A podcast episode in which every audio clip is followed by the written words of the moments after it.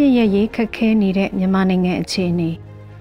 မလ21ရက်နေ့ကနေ23ရက်နေ့အထိလာရောက်သွားတဲ့အာဆီယံထူးကိုယ်စားလှယ်ဖြစ်သူကမ္ဘောဒီးယားနိုင်ငံသားရေးဝန်ကြီးကမြန်မာနိုင်ငံမှာအပြစ်ခတ်ရစဲရေးကဖြစ်နိုင်ခြေအလားအလာနေပါနေကြောင်းခီးစဉ်ပြန်ရောက်ရောက်ချင်းမှာပဲမှတ်ချက်ပေးလိုက်တယ်လို့မြန်မာနိုင်ငံပြည်ထနာကကမ္ဘောဒီးယားနိုင်ငံအလဲကျတာဝန်ယူခြင်းကာလအတွင်းမှာပြည်လဲခြင်းမှပြည်လဲမှာဖြစ်ပြီးပြည်ထနာကလက်ဆင့်ကမ်းရမယ့်အနေအထားရှိတယ်လို့လည်းမှတ်ချက်ပေးခဲ့ပါတယ်။ ဒီမတိုင်ခင်အရင်နှစ်ဘရူနိုင်းနိုင်ငံအလဲကျတာဝန်ယူစဉ်ကလည်းဘရူနိုင်းနိုင်ငံသားရေးဝန်ကြီးကလူသားချင်းစာနာမှုအထောက်ပံ့တွေပေးအပ်နိုင်အောင်လက်နက်ကိုင်တပ်ဖွဲ့အားလုံးခိတ္တဖြစ်စေအပြည့်ရကြဖို့ပန်ကြားခဲ့မှုပါတယ်။ဒါပေမဲ့အဲ့ဒီပန်ကြားချက်ကိုသက်ဆိုင်တဲ့အဓိကကျတဲ့လက်နက်ကိုင်အဖွဲ့အစည်းတွေအနေနဲ့စိတ်မဝင်စားကြသလိုအောင်မြင်မှုမရခဲ့ပါဘူး။လူသားချင်းစာနာမှုအကူအညီတွေလည်းဖြန့်ဝေပေးနိုင်မှုအခက်အခဲနဲ့ရင်ဆိုင်နေရတာအဲ့ဒီကာလကလေးကအခုထက်ထိတိုင်ပဲဖြစ်ပါတယ်။ PDF လက်နက်ကင်တပ်ဖွဲ့တွေနဲ့တိုက်ပွဲတွေဖြစ်ပွားနေတဲ့ချင်းပြည်နယ်တောင်ပိုင်းလိုကယားပြည်နယ်လိုကရင်ပြည်နယ်လိုဒေသတွေမှာစစ်ဘေးရှောင်ဒုက္ခသည်တွေအနေနဲ့ရိတ်ခစေဝအဝတ်အထည်နဲ့အမိုးအကာလိုအပ်ချက်တွေကိုမိမိတို့ဘာသာဖြည့်ရှင်းနေကြရတာဖြစ်ပါတယ်။စကိုင်းတိုင်းလိုတိုက်ပွဲတွေဖြစ်ပွားနေတဲ့ဒေသတွေမှာလည်းရွာတွေကိုဝင်ရောက်စီးနင်းနေတဲ့ဖြစ်စဉ်တွေ PDF တွေကိုပြစ်မှတ်ထားရှာဖွေနေတဲ့စစ်ကောင်စီတပ်တွေရဲ့မီးရှို့မှုဖမ်းဆီးမှုတပ်ဖြတ်မှုတွေကိုရှောင်တိန်နေကြရတာ စစ်ဘေးရှောင်စခန်းရဲလို့တသက်မတ်မတ်မရှိပေမဲ့ရွာနီးချုပ်ဆက်တော့တဲ့ကွင်းနဲ့တောင်ကြီးတွေမှာရွှေပြောင်းတိန်ရှောင်နေကြရတာဖြစ်ပါတယ်။အပြစ်ရဆဲဖို့ကံလန်းဆိုပြုချက်တွေကအခုအချိန်မှာဘဲလက်နက်ကိုင်အဖွဲ့ကမှဆွဲဆောင်နိုင်ခြင်းမရှိတာတွေ့ရမှာဖြစ်ပါတယ်။လက်နက်ကိုင်အင်အားအများဆုံးကိုထိန်းချုပ်ထားတဲ့စစ်ကောင်စီအနေနဲ့တစ်ဖက်သက်အပြစ်ခတ်ရဲစဲရေးဆိုတာကိုအပြသဘောကြေညာထားပေမဲ့လည်းနေ့စဉ်နဲ့အမျှပြည်내နဲ့တိုင်းတွေမှာတိုက်ပွဲတွေဖြစ်ပွားနေတာဖြစ်ပါတယ်။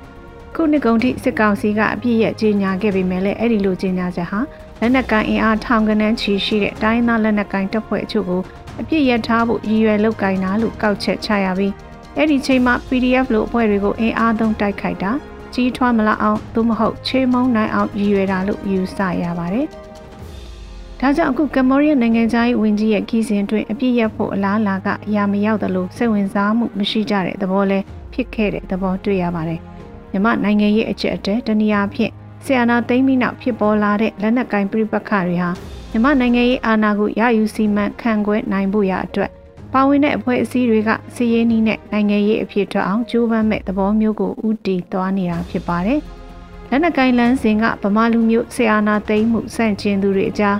ရေးပန်းစားလာတာဖြစ်ပါတယ်။ဒီအခြေအနေကိုအခြားသောစကားလုံးတစ်ခုနဲ့ပြောရရင်ပြည်တွင်းစစ်လို့ဆိုကြတာဖြစ်ပါတယ်။ ပြည်တွင်းစစ်ကပြီးခဲ့တဲ့နှစ်80လုံးလုံးလဲဖြစ်ပွားနေခဲ့တာဖြစ်ပြီးခု2021ခုနှစ်နောက်ပိုင်းမှာတော့ပိုကျပြန့်လာတာအရင်တုန်းကမဖြစ်ခဲ့တဲ့ဒေသတွေမှာပါဖြစ်ပွားလာတာဖြစ်ပါတယ်။တနိုင်ငံလုံးအတိုင်းအတာနဲ့စစ်ဖြစ်နေတာမျိုးမဟုတ်သေးပေမဲ့လက်နက်ကိုင်ပြပခဧရိယာကနှစ်ဆနီးပါးကျဲပြန့်လာတာမျိုးဖြစ်ပါတယ်။လက်ရှိအခြေအနေမှာတော့နိုင်ငံရေးအားပြိုင်မှုမှာအဓိကကျတဲ့အင်အားစုတွေဖြစ်တဲ့စစ်ကောင်စီတိုင်းသားလက်နက်ကိုင်အဖွဲ့တွေ NUG နဲ့ဒေသအလိုက် PDF တွေရဲ့တိုက်ပွဲတွေက